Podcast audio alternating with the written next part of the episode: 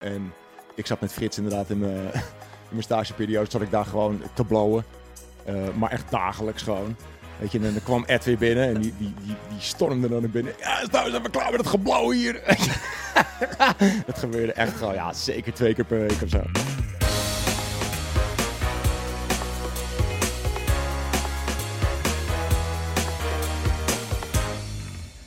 Dit jaar bestaat Power Limited 30 jaar maar liefst en dat gaan we vieren ook. Dus eh, dit is een speciale podcastserie, een speciale Powerpraat die in het teken staat van 30 jaar Power Limited. En daarvoor heb ik speciale gasten uitgenodigd en ook vandaag weer welkom Wart en Florian. Hey! Leuk dat jullie er zijn. Ik heb speciaal voor jullie een introductie geschreven. Oh jee. Ja, ik heb daar eh, wekenlang over. eh, Ja. Wij weten dat je dit net hebt gedaan. Ik heb uit betrouwbare bronnen dat je uit betrouwbare bronnen informatie hebt. Ja, ja, ja. Mhm. Ehm, Wart, laat ik bij jou beginnen. Hij kwam stage lopen bij PU in 2008 en stond al direct bekend als de Limburgse dorpsidioot. In 2011 stond hij voor het eerst als redacteur in Power Unlimited en zijn naam als dorpsgek bleef nog lang hangen. Wat zou Awkward daarmee te maken hebben gehad? Waarschijnlijk heel veel. Inmiddels doet hij heel wat anders en misschien is hij iets ouder en wijzer geworden. We zullen het zien. Welkom Bart. Hey. Ja, eh, leuk om het te Welkom, zijn. welkom. Leuk Ja. om jullie weer te zien. Ook Ja. om Florian te zien. Dit is wel grappig, jij kwam binnen en toen, eh, toen hadden we het even over Florian. Maar blijkbaar heb je hem echt al jaren niet meer gezien. Nee, ik ben extreem slecht eh, sowieso in sociale contact. Ja. Zeg maar in het echt, maar ook in dat onderhouden. Ja. Dus eh, allemaal mijn schuld. Nou, het is niet dat Florian je, je, Ik, je ik, deur ik, heeft ik, platgelopen. ik, heb dat, ik heb dat ook niet echt op, op social media heb ik dat niet echt van de daken geschreeuwd, denk ik. Dus ik denk dat, je stom, dat dat je je Wart mist. vindt. Ja. Precies, dat Oh. ik Wart mis, ja. dat staat dagelijks op mijn social media. Eh, nou, hij zit er wel. En, en Florian Houtkamp, jullie kennen hem ongetwijfeld als je puur een beetje volgt. Eh, maar voor de mensen die terugkomen en eh, misschien de laatste twintig jaar niet hebben ge- meegekregen. Eh, dit is Florian. Hij kwam ook bij Power Limited als stagiair in... ehm, oh, wacht. Jij kwam niet in 2008, je kwam in 2007. Klopt. Dat hadden we... En ik heb het niet aangepast. Ik wilde je niet verbeteren. Ja, nee, maar dat mag, dat mag best wel. hoor. Maar eh, Florian kwam ook bij Power Limited stage lopen in 2007. Yes. Hij blonk daaruit in enthousiasme en een enorme kennis over games. In 2012 stond hij voor het eerst in de PU. Inmiddels is hij onze race games, tv en VR-expert. En is hij niet meer weg te slaan van de PU TV met zijn big smile. Welkom Florian. Dat je, you. dat je er weer bent. Hey. Ja, 30 jaar pu. Het is eh, een, een lange tijd en, en, en jullie hebben er beide een, een tijd aan bijgedragen. Als ik zeg 30 jaar pu, wa- wat denk je dan? Ik denk dan eh, aan eh, games. Joh, Oh, oké. nee je? Nee, maar serieus, voor mij was het een soort van eh, jeugdsentiment. Dus eh, toen ik er niet eh, stage liep en, eh, en niet voor schreef en video's maakte, toen las ik het en dacht ik, oh, het lijkt me echt te gek om, eh, om daar later te werken. Eh, mijn eerste puur was met Diablo 2. Dat, eh, ik was toen al een Diablo-fan en volgens mij was de review van Jan Nijroos. Ik dacht, ja, ik wil dat. En eh, eh, ehm, nou, blijkbaar is dat ook gebeurd. Ook al ben je een dorpsgek. Do- Florian heeft alles inhoudelijk in zijn intro. En ik ben gewoon een dorpsgek, dus dat is mooi. Maar eh, eh, nee, ja, dus voor mij was het echt inderdaad een soort van, van jeugdsentiment. Eh, en inmiddels is natuurlijk Power Limited helemaal geëvolueerd en met zijn tijd meegegaan. En dat is ook gewoon goed om te zien. Maar wat is het voor jou? Ik, eh, ik denk voor mij een beetje hetzelfde inderdaad. Eh, als, als klein ventje las ik de Power Unlimited en fantaseerde ik over hoe vet het zou zijn om daar ook te werken en dat ook te doen zoals die jongens dat doen. En eh, ik, ik heb dat eigenlijk, ben het blijven volgen. Ik heb letterlijk het allereerste nummer heb ik thuis liggen. Dus ik heb echt het eerste nummer heb ik echt gekocht in de winkel. En een paar jaar later las ik inderdaad een oproep in het magazine dat ze op zoek waren naar stagiairs. En eh, ik, eh, ik was van alles aan het, aan het klooien in mijn leven. En ik dacht, hé, wacht eens even. Er is één rode draad in mijn leven en dat zijn videogames. Ja. En Power Limited is een groot gedeelte van mijn entertainment. Ehm, dus ja, laten we dat eens proberen. Ja, En eh, zo geschieden. en zo geschieden. Want hoe ging dat? Want wa- wat voor studie deed je? Ja, precies. Ja, Ch- Cheert moet hier al heel erg om lachen. Ik, eh, ja, bij mij was het echt een hele rare constructie. Omdat ik wilde dit zo graag. ehm, dat ik gewoon letterlijk tegen de puurgasten zei van... Ja, ik wil gewoon stage komen lopen. En het maakt me niet uit wat ik ervoor krijg. Ehm, want ik zit al lang niet meer op school. Ehm, ik ging op mijn achttiende of zo ging van school af. En, en een paar jaar later kwam ik dus bij Puur van... Yo, kan ik stage lopen hier? Buiten dat, ze zochten mensen die journalistiek hadden gedaan. Eh, een stukje konden schrijven. Ik had nog nooit van mijn leven een stukje geschreven. Ehm, maar ik had zoveel teststukjes opgestuurd. En Muriel die werd helemaal gek van me. En Ed Wiggemans die werd helemaal gek van me. En op een gegeven moment zei hij... Nodig die jongens uit. Gewoon uit pure frustratie bijna. Eh, ja, en zo is het balletje een beetje gaan rollen. Maar heb je serieus gewoon echt heel veel teststukjes opgestuurd? Gewoon puur maar om... Ja. Je, hebt gewoon een spambom gestuurd eigenlijk. Eh, meerdere. Ik was dat constant aan het doen. En ook vooral omdat... ehm, en ik kan me dat niet meer heel goed herinneren hoe dat ging. Maar volgens mij ben ik zeg maar een maand later begonnen met mijn stage. Er was, er was iets gaande op dat moment, zeg maar, bij, bij PU binnen. Waardoor ik een maand later begon dan normaal. Ehm, want er waren altijd twee stagiairs. En Frits was nog een andere stagiair en die zat er al. En toen kwam ik een maand later. Ik weet niet meer goed hoe dat kwam. Ehm, maar eh, ja, vanaf dat moment eh, was, het, was het aan.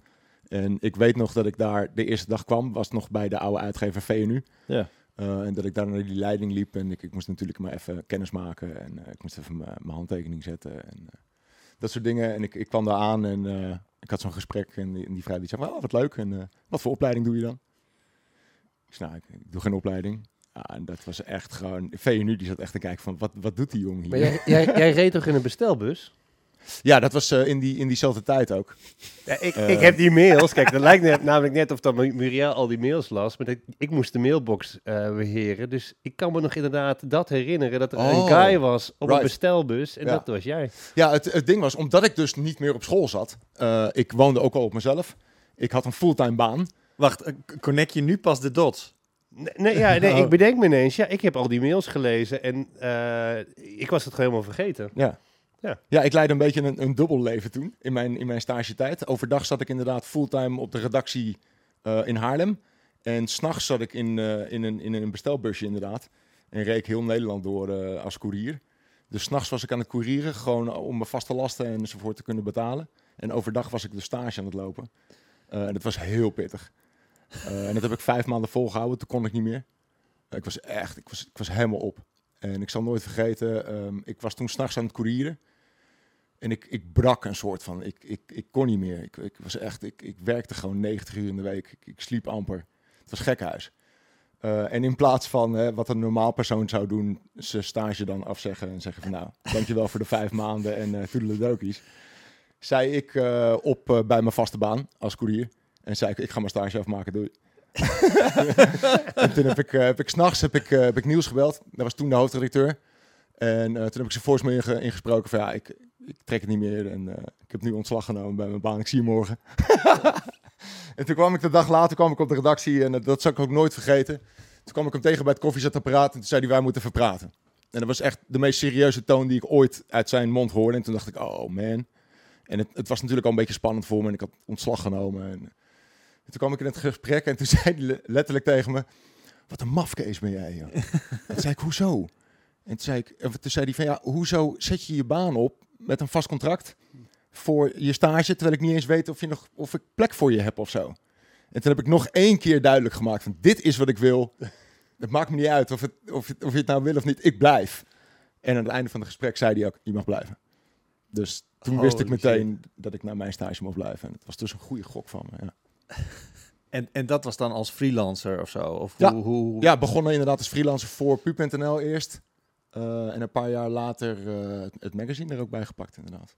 Want hoe was dat als je, toen je daar voor de eerste keer kwam? Want ja, de, als, de eerste, als stage? Ja, dus jij, jij kwam daar eigenlijk op bezoek. Je hebt, je hebt spambombs gestuurd met ik wil hier graag. En dan kom je daar voor de eerste keer. Wat, ja, hoe was dat? Uh, ik denk, ik, denk ik, ik vond het ten eerste gewoon heel erg cool. Uh, en ten tweede was het een beetje het soort van onwerkelijk of zo. Omdat ik dat al zo lang las en nu was ik in een soort van behind the, the stage, behind the scene. Um, en ik had natuurlijk gesprekken gehad met, met Ed en met Muriel en weet je, weet je, dat soort helden. Dus het was een beetje een, een soort van droommomentje of zo, denk ik. Ehm, maar toen uiteindelijk mijn stage begon, toen was ik heel snel gewend en dacht ik ook al van oké, ik zit hier op mijn plek. En, Hoe vaak? Ja. Hoe vaak heb je het aquarium schoon moeten maken?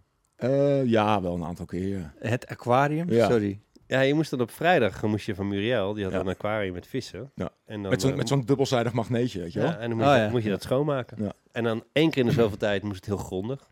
Ja. Ja, dat hoorde er ook bij. Zeker. Sowieso, weet je, die, die, die stageperiode, als ik daar aan terugdenk inderdaad ook met Muriel, dat was echt, het was gewoon poppenkast. Weet je, elke dag kwam ik op de redactie en wist ik niet wat ik die dag ging doen.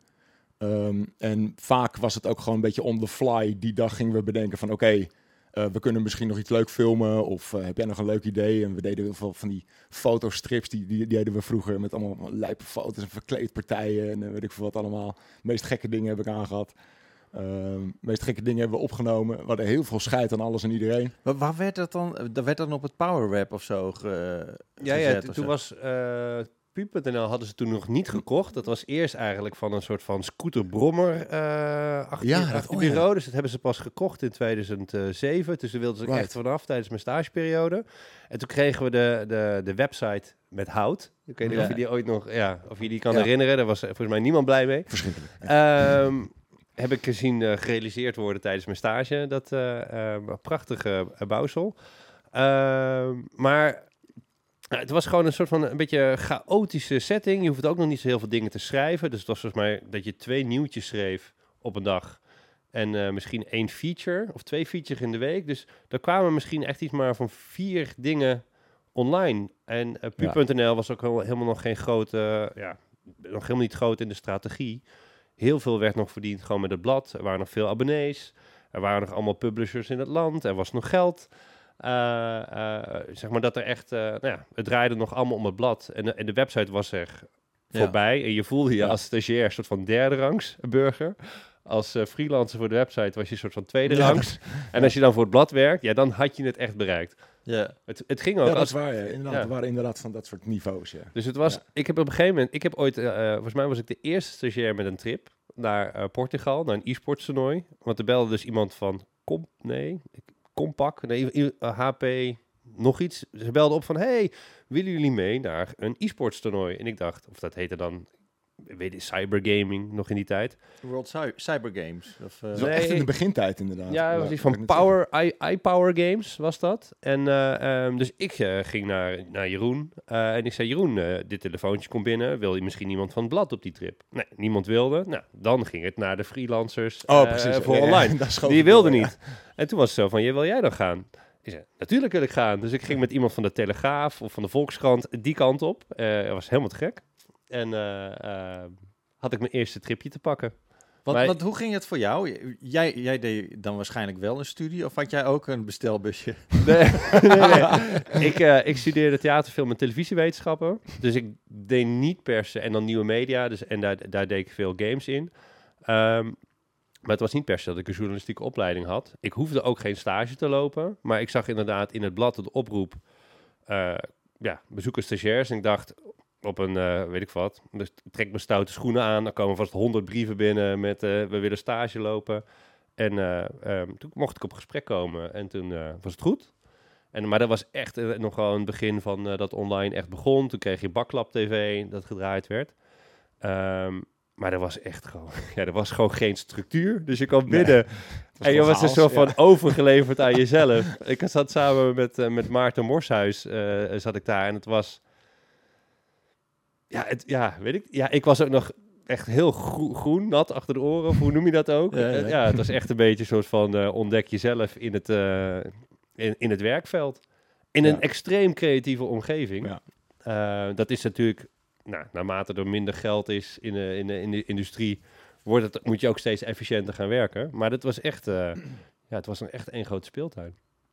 Ja, alles kon inderdaad in die tijd. Als ik, Ik- daar ook aan, aan terugdenk, inderdaad, weet je echt. Maar Hoe, het- hoe vaak Ed bijvoorbeeld, we hadden zo'n, eh, hadden een testhok. Vroeger hadden we een testhok. Een testhok was waar alle games stonden en alle consoles. Daar speelden we onze games op de redactie, zeg maar. Maar het was wel een soort van, ja, moet je het zeggen, een beetje een cubicle. Dat het een beetje afgesloten was van de, van de hele redactie. Eh, en daar zat dan dat te gamen. En ik zat met Frits inderdaad in mijn, in mijn stageperiode. Zat ik daar gewoon te blowen. Eh, maar echt dagelijks gewoon. Weet je, en dan kwam Ed weer binnen en die, die, die, die stormde dan naar binnen. Ja, is nou eens even klaar met het geblauw hier. dat gebeurde echt gewoon, ja, zeker twee keer per week of zo. En, en dat kon ook gewoon, weet je. Alles, alles mocht. We kwamen al, overal mee weg. Maakt allemaal niet uit. Ja, het is gekhuis. Hoezo was dat werk echt? Het sloeg helemaal nergens op. Ik kan me nu in één keer wel voorstellen waarom je je baan hebt afgezegd. Ja, zeker. Ja, man. Ja, dit was eh, ja, fantastisch. Nee, maar echt zo als je dacht van... het- natuurlijk, er moest hard gewerkt worden, maar eh, ergens misschien door iemand. Maar eh, het was echt nog wel een beetje die vibe. Lekker los. Ja. Ja. En want, want eh, je hebt natuurlijk, je, je kent Ed daarna ook best wel lang, zeg maar. In die tijd, het moet echt een nachtmerrie voor die man zijn geweest om, om Ja. daar. eh, Ja.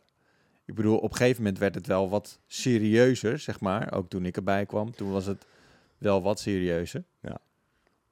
Maar Er is een, er is een, een, heel, een hele oude sketch, een heel oud filmpje met Skate. eh, waarin hem de hele tijd belt. ja, ja, die Ehm, ken ik, ja. Precies, dan is die FIFA aan het spelen en weet ik veel wat. En dat is natuurlijk heel erg uitvergroot en heel erg overdreven en weet ik veel wat. Maar het ging wel echt zo. Ehm, weet je, dus ook een deadline vroeger eh, was een indicatie van wanneer het ongeveer binnen moest zijn. Ja, je had ook Eh. een- het was een tijdschrift, hè? dus het was gewoon één keer in de maand moest het. Ja. En er moest natuurlijk wel genoeg op tijd binnen zijn. Het Ja. moest allemaal gedesigned worden. Maar het was niet van stuur het op, want het moet nu online. Nee, Ja. het was ja, het moet er- ergens tussen nu en dan moeten, ja. moeten alle pagina's af zijn. Dus er was, er was ook veel minder tijdsdruk dan dat je nu hebt. Bijvoorbeeld eh, vannacht, eh, ja, weet je, als er, een nieuwe, als er een nieuwe game uitkomt, ik weet niet wanneer dit uit wordt gezonden, dus ik moet, ik moet Hmm. geen tijdsdingen noemen, bedenk ik me ineens. Maar als We- dan, nee, voor de mensen thuis, eh, we zitten nu vlak voor de release van Starfield. Ja, dus we gaan allemaal vannacht opstaan.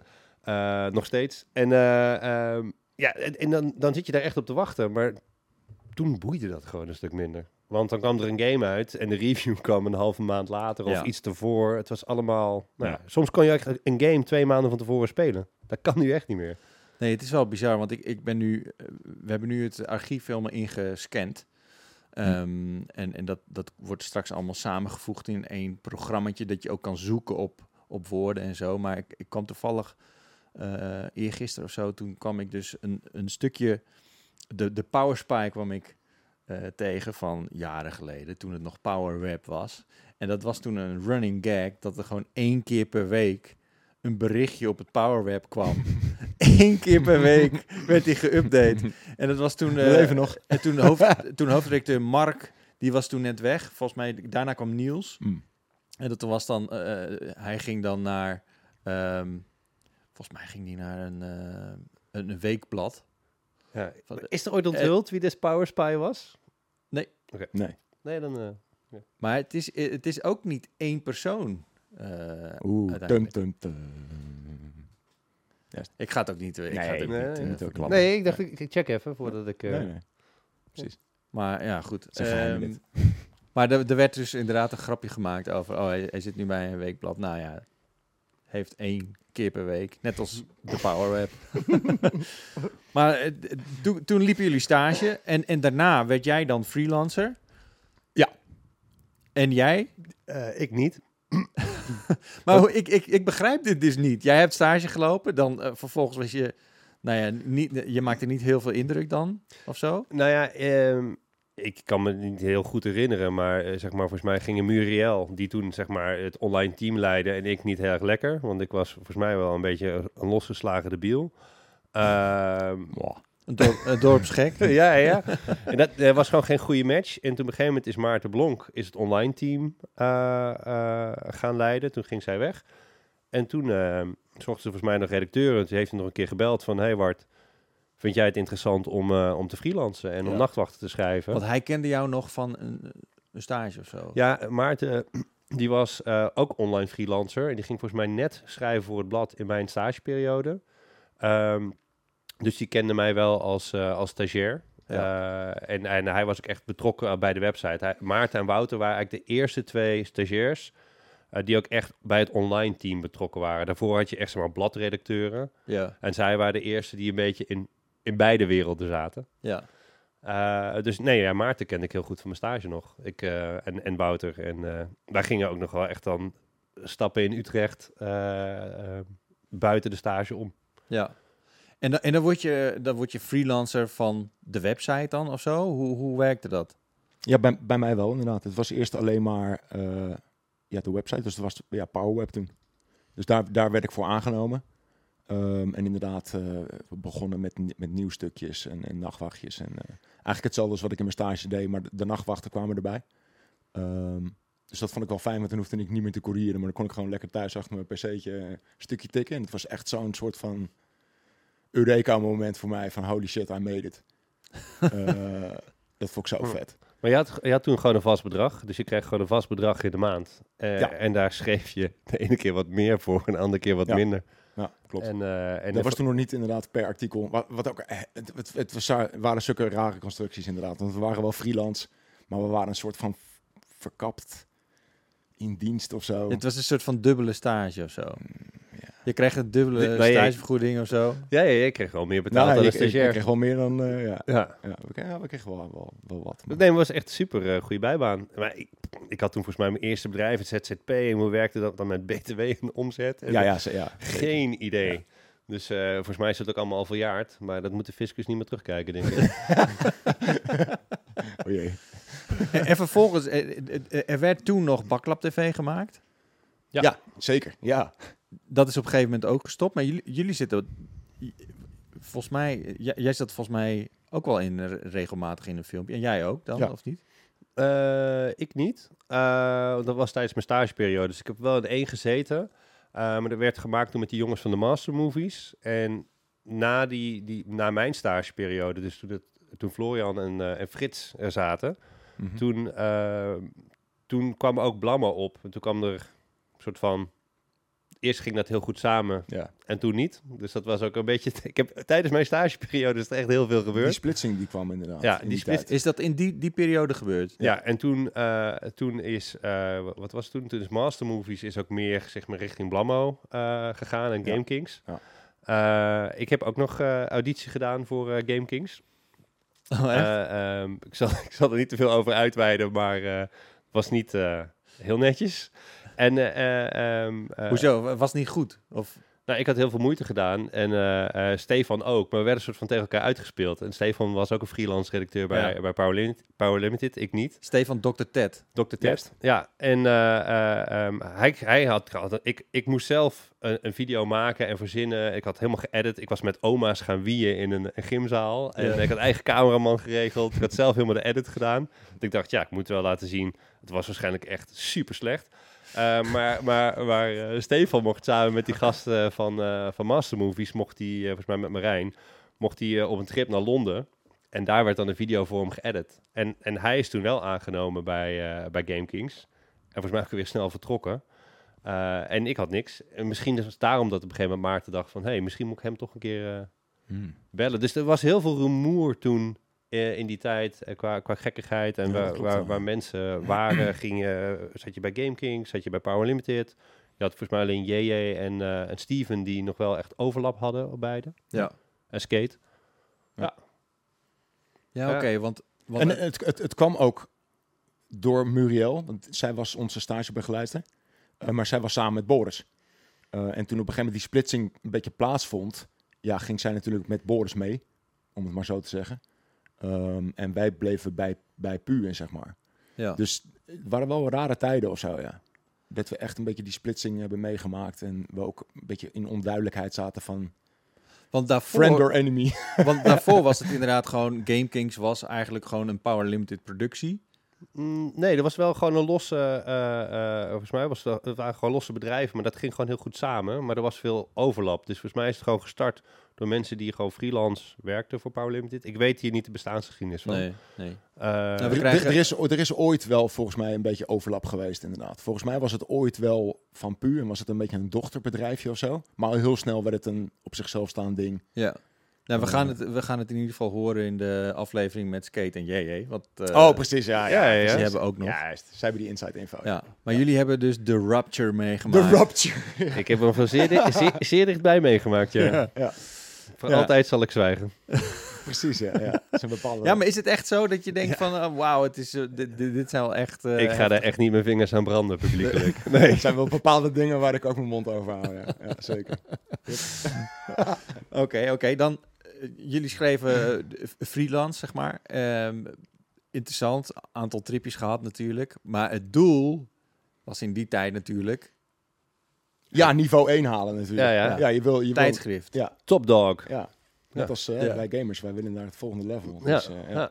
Dat, dat is nu eigenlijk, eh, eigenlijk wel wat minder geworden. Ehm, ja.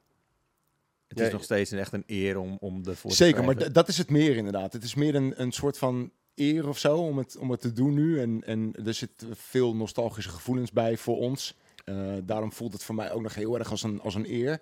Maar het voelt niet heel anders meer als pu.nl of zo. En was, op het begin was dat heel erg een, een, een ander ding. Eh, maar inmiddels inderdaad, weet je, er zijn ook bepaalde reviews natuurlijk die we op beide ook zetten. Eh, Ja. De stijl die is heel erg gelijk getrokken.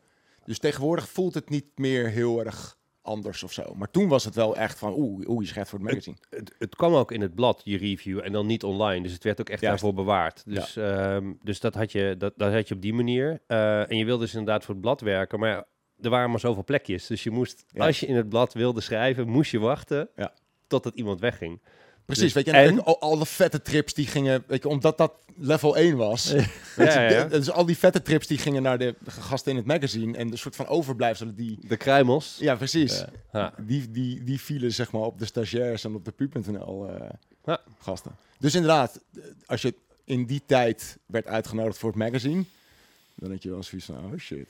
Ja. Ja. Vol- volgens mij kwamen uh, Wart en ik kwamen ongeveer rond dezelfde periode vast in dienst. Jij op de werkte er al als video. eh, ja, en toen kwam jij man. een paar maanden later, geloof ik. Eh, dat klopt. Eh, en dat was nadat ik eh, Maarten, die was. Nee, die, die Maarten deed het nog steeds online. Die was toen nog geen hoofdredacteur.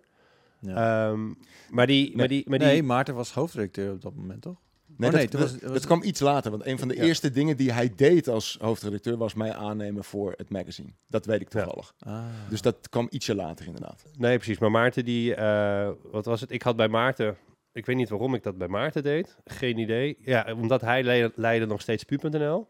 En toen heb ik bij hem aangegeven, want ik had inmiddels een eh, goed lopen, lopend eigen bedrijf in eh, filmproductie en eventproductie. Van, hey, ik ga eigenlijk zo lekker. Ik ben het freelance eh, voor pu, maar ik heb eigenlijk gewoon geen tijd meer ervoor. Dus eh, ik wil gaan stoppen. En waarop hij zei, ja, dat zou ik heel jammer vinden. Dus ik ga even kijken of ik een baan voor je kan creëren. en volgens mij zat ik in drie... Zo ging dat, Ja. en toen moest ik vervolgens beslissen, oké, ik heb hier een bedrijf dat op zich best goed lo- loopt. Of, eh, en ik, ik kon ook nog ergens anders aan de slag. Of ga ik mijn jeugddroom najagen en ga ik op, voor een vaste baan eh, met een vast contract bij Power Limited op de redactie werken. Nog niet voor het blad schrijvende, maar ik zou dan alle socials eh, gaan doen. Ja, Wat de toen, social media toen manager. bestond Hives nog. Ik ben de persoon die Hives de nek omgedraaid heeft. Daar hebben we toen één voor één alles, al die accounts. Al, eh, mo- dan moest je iedereen van je Hives-pagina als Power Limited afgooien. Voordat je de pagina eh, van je merk Oh, kon deleten. Ja, daar hebben iets van 2000 mensen handmatig eraf geknikkerd. Ehm, maar dat ben ik toen gaan doen. En volgens mij was het in eh, juni 2011. En toen vertrok eh, Steven in september Hmm. of oktober. En ehm, nou, ik zat vast op de, op de redactie. Dus toen was de vraag, Wart, wil je voor het blad? Dus zei ik ja. Zo simpel. En, eh, en ehm, Jan Meijroos eh, heeft het eh, voor altijd geweten. Hoezo? Hoezo? Hoezo? Nou, Jan Meijroos schreef heel veel coverviews als freelancer. En dat zijn zes pagina's. Mhm. Maar er is een jaar geweest dat ik meer coverviews heb geschreven dan, eh, dan Jan Oh, Meijroos. Oh, oké. Een doorn in zijn eh, zij. Doorn in zijn portemonnee. Ja. Ja. Ik heb hier inderdaad eh, de pu voor mij. Het is eh pu nummertje 212. en het is eh, eh, augustus 2011. En er staat inderdaad dat Steven stopt. Die heeft zijn laatste stukje ingeleverd bij Ed. Eh, en daaronder staat eh, welkom Wart met een, eh een air foto ernaast. Oh, natuurlijk. Dat was jouw ding, ja. En er staat erbij, jullie kennen Wart vermoedelijk al, want hij was al geruime tijd freelancer voor Pu.nl en ex-stagiair, net als Jeroen, Wouter en Maarten. Maar met ingang van vorige maand is hij dus in dienst als vaste kracht op onze redactie.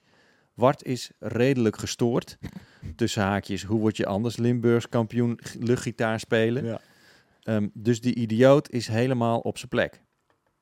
Is hier helemaal op zijn plek. Voorlopig zal hij zich vooral gaan richten op alles wat we doen met social media. Maar ook voor een reviewtje draait hij zijn hand niet om. En dus zullen jullie vanaf de komende maand steeds meer van hem horen. Eh, lezen. Ja, ja, maar het leuke is, Ed die... ehm, ik bedoel, er zijn meer dingen die je kan dan idiote dingen doen. Maar het leuke was dat Ed Gelukkig. zorgde er wel heel, heel, heel goed voor... dat hij bepaalde dingen van een persoon heel goed uitvergroten. Zeker. Eh, eh, en dan kreeg je ook een beetje die rol in het magazine als karikatuur. Ja. Mhm. Ehm, maar ik Daar merkte kan altijd... Jeroen heel erg over meepraten, want die heeft echt... Ik, je wil niet weten hoeveel Power Limiteds ik heb gelezen in het redactiestukje dat hij gewoon eigenlijk alles schrijft als de stagiair. Terwijl hij gewoon vast in dienst was. maar hebben het gewoon verplicht als stagiair neergezet. Ja. Ja. Ja, maar het- vanaf dat moment kwam je erbij. Klopt. En dat was natuurlijk een, een, een, een dream come true. Eh, ha- Had je nou echt iets waarvan je dacht van... nou, dit is wel een soort van het summum van wat ik heb meegemaakt bij Pu? Ehm, twee dingen, denk ik. Nou ja, de, de E3, maar daar hebben de meeste mensen het over. Maar wat het, wat leuke is aan de E3, je gaat eigenlijk alle trips die je doet, dat zijn de leukste dingen om te doen, omdat het is heel intensief. Eh, en dan ben je vaak met de camerapersoon als je op, op stap en dan heb je het echt leuk. Maar bij de E3 ging je echt met je collega's, met de mederedacteuren, ging je echt een week weg. En eh, naast het superleuk is om al die games eh, te checken en naar al die persconferenties en weet ik veel wat te gaan, Ehm, is het ook een soort van snelkookpan waar je elkaar heel goed leert kennen. Waar je herinneringen... Nee, maar de, echt die ervaring met elkaar. Dat is het leukste aan de E3. Ehm, maar mijn eerste trip, die zal ik nooit vergeten. Dat was in mijn eentje. En dan moest ik naar Seattle met de eerste vlucht. En dan vanuit Seattle, dat was voor Guild Wars 2... moest ik met een interne vlucht naar LA. Voor Oh. Black, Black Ops 2. Maar ik mocht dan niet... Oh, je had twee trips in één. Ja, Oh, ja. en, eh, en maar de ene uitgever betaalde de ene trip Juist. en, en de andere uitgever betaalde de andere trip. Ja. Dus toen ging iedereen eh, van de Nederlandse collega's, die gingen weer terug naar Nederland van LA met KL 602. Ik weet Ja. nog steeds die vluchtnummers uit mijn hoofd naar LA. Oké, klinkt als een trauma. ja, nee, maar gingen, gingen ze weer terug. Eh, en ik moest via Seattle terug. En dat is uiteindelijk een trip geweest van 24 uur lang. Om Holy thuis te shit. komen, terwijl die anderen hebben er 9 uur over gedaan. Ja, die, dat was echt een traumatische trip. Ik zat echt eh, zes uur lang in mijn eentje ergens. Seattle, ik was nog nooit in Amerika geweest. Ehm, ik had een iPad met Birdie. Eh, dat was het enige album volgens mij dat ik had. Oh. Dus ook dat hele album eh, is daar helemaal aan verbonden. oh, een iPod bedoel je? Nee, eh, nee, dat stond volgens mij op mijn iPad. En Oh, op, op- op mijn ja, ik heb wel in ieder geval de hele coverview volgens mij van Black Ops 2 toegetikt op die Ja. iPad in die zes uur. Ah, nee, dat, dus, dus dat is me heel goed bijgebleven. En eigenlijk alle, alle tripjes die we gedaan hebben. En uiteraard Awkward, wat, wat ik met jou gemaakt heb. Maar eh, nee, het wa- waren vooral de tripjes die je samen deed. En de sfeer die wij op een gegeven moment hadden met, eh, met, met, met jou, met, met Wouter en met, eh, met Maarten.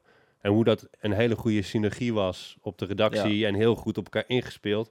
Dus voor mij is, is, is het ergens veel minder...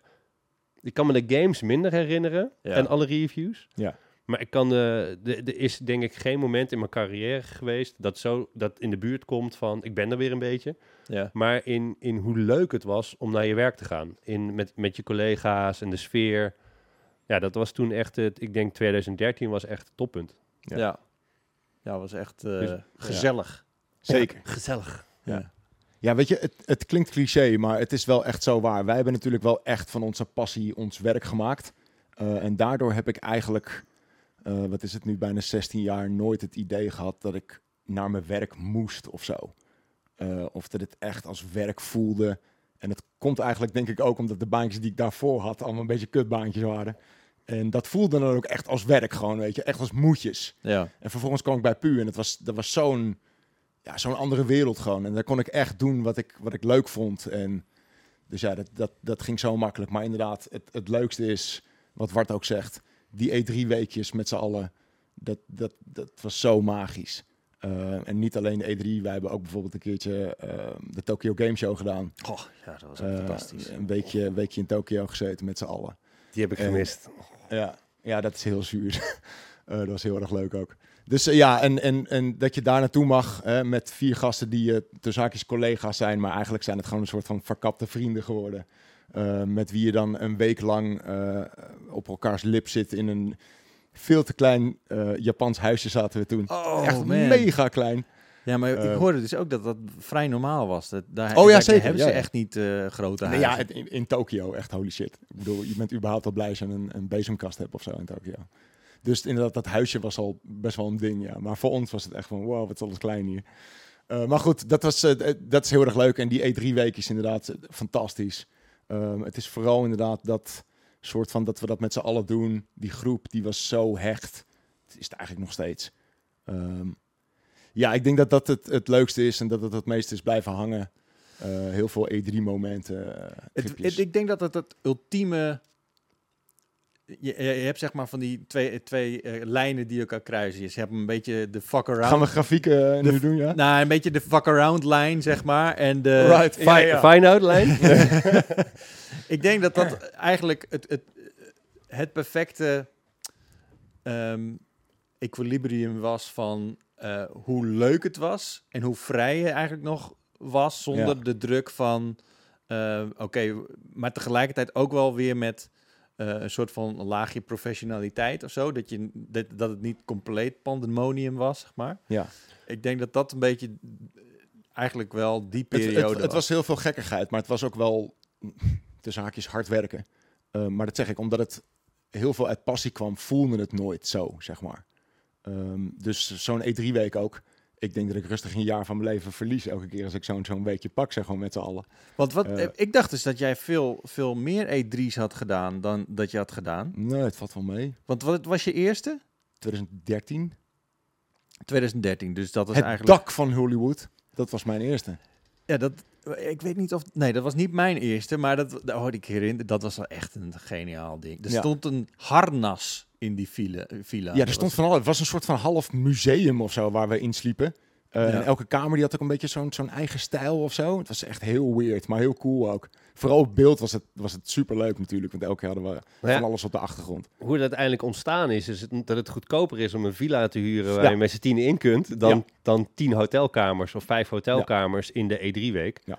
Eh, en ook qua workflow is het ook gewoon beter om met z'n allen Ja. De- samen te zitten. de PU-tv's of PU-journaals, hoe heet De dat? editionals. Editionals, Ja. ja. dat was, maar ook gewoon de, de, de- die- daar zaten mensen op te wachten, maar hoe dat gemaakt werd, jij hebt dat geëdit, zeg maar de editors, die sliepen iets van drie uur per nacht, Ja. dus je was de hele tijd aan het draaien, Ja. dan was je in het edit tot diep in de nacht, want dan je ging niet- even slapen. Je was vaak niet alleen de editor, maar je was ook de cameraman. ja. Ja. Dus overdag liep je dan met ons mee alles te filmen. Uh, S'nachts eh, gingen wij biertjes drinken of slapen. Eh, en zaten die jongens nog te editen inderdaad. Dus ja, oh man, super hardcore. Super hardcore. Dat was het eerste jaar dat Jurjen Tiersma meeging. Of Jurjen Bakker, ja, Bakker meeging. En toen heb ik Ja. ook een feestje mee kunnen pakken. Dat was de War... ja. War, wargaming. Wargaming feestje. dat was wel echt het Dat is feestje. denk ik het meest legendarische E3-feest ook wat ik heb meegemaakt. Ik was er ook, ik weet er alleen niks meer van. Nee, nou precies, maar zo'n feest Ja. was het dus. Ik, ik- Wij waren best wel veel samen en jij hebt echt dingen gedaan dat ik echt dacht van oké. Ook, ook daar zijn dingen gebeurd en heb ik dingen gezien die ik nooit meer zal Nee, maar ik was vertellen. Het, maar je kreeg, het was wodka, het was wodka Ja. eh, eh, en eh, nog een hele hoop andere. Ja, nou ja, de- ik heb volgens mij drie wodka's gekregen. Maar je was zo moe van een hele Ja, dag. Je zat ja, er helemaal doorheen. Ja. En toen, eh, ja, dat, dat, En dan stond je op zo'n feestje. Ja. En dan, op dat moment waren we ook nog gewoon fucking jong eigenlijk. Dus we konden dat allemaal nog gewoon een beetje trekken. Maar ik weet nog wel dat ik ergens eh, buiten stond met Maarten. En dan stond je... En toen stond, een sigaretje te roken. Toen rookte ik op een of andere manier. Maar ehm, dus, toen stond... eh, even kijken, zei Maarten... Zei tegen zo'n... eh, er waren allemaal meisjes daar. En zei, Do you know who he is? Do you know who he is? En die, die maakte ze dus wijs dat ik de, de zanger van de Lumineers was. En toen kreeg ik dus de hele tijd vragen van allemaal willekeurige mensen. Ah, you're from the Lumineers. Het is een classic Maarten grap dit Ja, ook. dit- dit- ah, dat sloeg natuurlijk helemaal nergens op. En toen op een gegeven moment kwamen we weer terug in de villa. Maar het ding was, ik had toen net eh, een, een nieuw vriendinnetje, inmiddels mijn vrouw. En ehm, ik, ik heb dit nog nooit aan iemand verteld. maar ik hoor dat van haar echt best wel af, af en toe terug. Mhm. Ik was dus mijn telefoon, die was uit mijn broek in de ba- in een, eh, tussen de bank ge- geglipt, ge- gegleden. Dus eh, toen moesten wij in één keer heel snel weg naar dat feestje. En toen was het, en het was op haar verjaardag. Oef. Ik weet, Oef. het, ik weet het nog. Ze had heel vaak gebeld. Ze was echt Ja, super pissed. Hier staat me Nou, ook niet, van maar bij, gewoon ja. pissig, maar ook gewoon ongerust. Ja, Eh, precies. wat Midden in de LA, je fuck hoort is ineens er niks hand? meer. Ja. En, maar ik heb dus gewoon, gewoon 12 uur lang, volgens mij, gewoon helemaal van de radar geweest op haar verjaardag. En Is dit ook dat moment geweest dat iedereen boven Ja. in dat zwembad, Ja. dat het helemaal losging? Ja, Ja. toen lag ik dus echt compleet knock-out. ja, jij was Ja. toen, ik heb jou toen, sterker nog, ik heb jou naar bed gebracht. Je hebt mij gedragen volgens Ik mij. heb jou naar bed gebracht. En, oh, Mm. dat was toen Oh, nee. Wouter. Oh, Ik ben, Ja, niet eens ja, naar, ja, ik, ben, ja. ik ben niet eens naar boven gegaan. Het komt allemaal terug nu. oh nu, Ik heb Wouter heb ik in oh. de taxi tegen moeten houden. Ja, omdat Wouter die wilde wij op, re- wij op re- de freeway. Ja, we wilde reden die- terug op de freeway. Hij reed gewoon 100 km per uur. En, en Wouter die zat naast mij in die taxi. Zo l- lam, Lam als maar een kon. aap. Ehm, allemaal. En hij doet gewoon m- midden in die rit gewoon wap, zo die deur open. En hij zegt zo. En ik, ik moest hem echt gewoon tegenhouden en die deur weer dichtsmijten. En die taxichauffeur Die- die was echt over de pissig. Holy shit. Ja, ja En daarna, maar dat was nog niet het enige, want daarna was hij dus helemaal, eh, wilde hij naar het dak van Hollywood. Ja, ja. En vervolgens heeft onze stagiair, eh Se- Sebas, die noemde toen Oscar, die heeft toen, Oh ja. eh, die heeft echt met alle macht een, een Wouter moeten trekken, zodat hij niet, zeg maar, daarboven was gewoon het dak van Hollywood zogenaamd, volgens eh, Maarten. Ja. Maar dat was ook Even gewoon, duidelijkheid, het Hollywood sign. stond, kon je vanaf maar- daar bekijken. Maar dat was ook meteen een ravijn. ja, ja, Dus als je- levens, levensgevaarlijk. Dus als, als je daar Wouter los had gelaten, dan was die gewoon... Hadden we hem nooit meer ja, teruggevonden. hadden we nooit meer teruggevonden. dat is gewoon klaar. Eh, en toen, ja, en toen kwamen we dus inderdaad terug in We, dat... hadden, we hadden blikjes bier. En eh, op de een of andere manier, ik, we- ik weet ook niet hoe dat kwam. We kwamen met light bier kwamen we terug. Dus we hadden een, een hele tray, 24 blikjes geloof ik, hadden we van light bier. En daar hadden we er eentje van gedronken, was niet te zuipen. En toen kwamen wij Ja, terug in Budweiser, ja. Ja. zo. Ja. Miller, Miller, Miller, Lite. Miller Light of, Of zo. Miller? Ja. Eh, het was een beetje een foutje dat we dat hadden.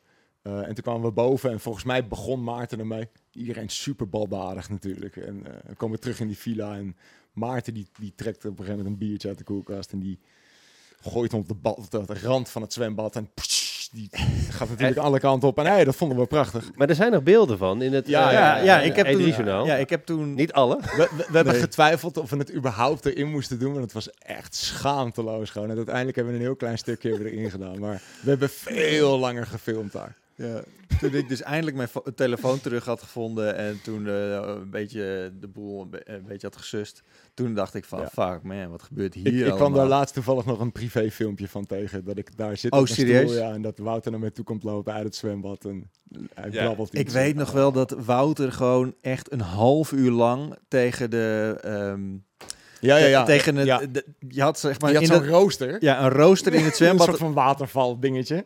En dat maakte gewoon een beetje een, een, ja, Een geluid. watergeluid. En daar zat hij een half uur tegen te praten. ja, ja, het communiceert met me. Ik, ik, ik, ik weet ook dat de plant, dat was echt een mega Oh, grote die plant, die moest en zou in het Oh, zwembad. Die plant die ging erin. Is hij erin? Nee toch? Ja, volgens Wel? mij wel. ja. Uiteindelijk is die het. Maar was dat niet... Want, want ik weet nog wel, ik, wat ik me ook nog heel goed... was dat, ja. Ja, het, was, het was echt fucked Ik up. weet nog wel dat ik Jan echt op handen en voeten uit het zwembad Ja. zie kruipen. En dat hij er zei, dit mag je niet Nee, dat klopt. online Ja, klopt, ja. ja, ja. Jan zat toen al inderdaad van dit mag niet ge- gepost worden in, eh, in het 1-3-journaal. Uiteindelijk een heel klein stukje gedaan. ja. En allemaal, Ja, hilarisch. allemaal erin En, en, en dat is ook de E3 waar het, eh, het, het wereldberoemd... Het was een instant classic, koken zonder te kijken. eh werd, Oh, ja. werd opgenomen. Episch maaltijd, ja. De epische maaltijd. En dat was ook met, met, eh, met, met Cheert en met, met Wart. One take, Ehm, pure improv. Ja, pure Dat, dat is improvisatie. echt crazy, want... Eh, dat was met Jurjen inderdaad. En ik stond daarnaast, want ik was de guy die het licht vasthield. oh ja, dan is er ehm, zo'n en, en vierkant ja, precies. ja. En Je ziet in het, in het filmpje, als je er terugkijkt, ook dat het, dat het licht af en toe zo heen en weer gaat. Dat komt Ja. gewoon omdat ik, ik pis in mijn broek van het lachen gewoon. Maar dit, dit gebeurt gewoon live voor mijn neus, zeg maar. Die improvisatie. En ik, het was zo fucking grappig. Ehm, en Het was echt een van de eerste dagen volgens mij, toch? Ja, wij, wij moesten Ja, spaghetti koken. Toen dachten ik weet niet hoe we erop kwamen om te doen, maar dat is wel een beetje de vibe die wij dan vaak met elkaar hadden.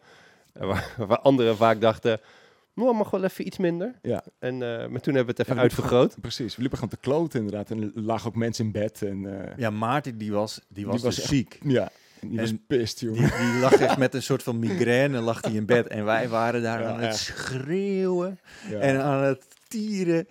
En ondertussen, ja, zo hard ging, gelachen. ja, het was wel echt geniaal inderdaad. Ja, hilarisch. Nee, maar, maar dus dat is ook wat ik me herinner. Gewoon het, het, het vele lachen. Ja. Naast dat er 95% van de tijd het gewoon keihard werken was. En wij hebben toen ehm, eigenlijk, eh, denk 2012 was het in augustus of 2011 Bij, naar DreamHack gegaan. 2011. Mm. 2011 inderdaad. Ja, en toen hadden we iets bedacht. We gaan een soort van hangover-achtige trip doen. Dus toen we al aankwamen, lag ik op de bagageband. En dan gingen we daar foto's van maken.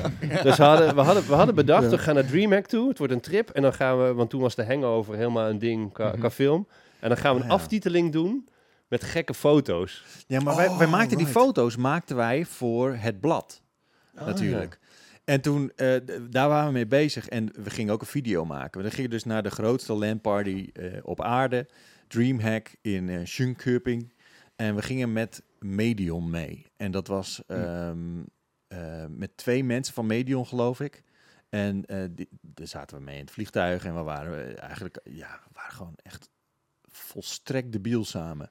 Ik zeg maar, als je ons alleen had, dan was het, dan was het op zich nog wel te doen. Maar op een of andere manier hadden wij een soort van Ja. vliegwiel-effect op, op gekkigheid. Ja.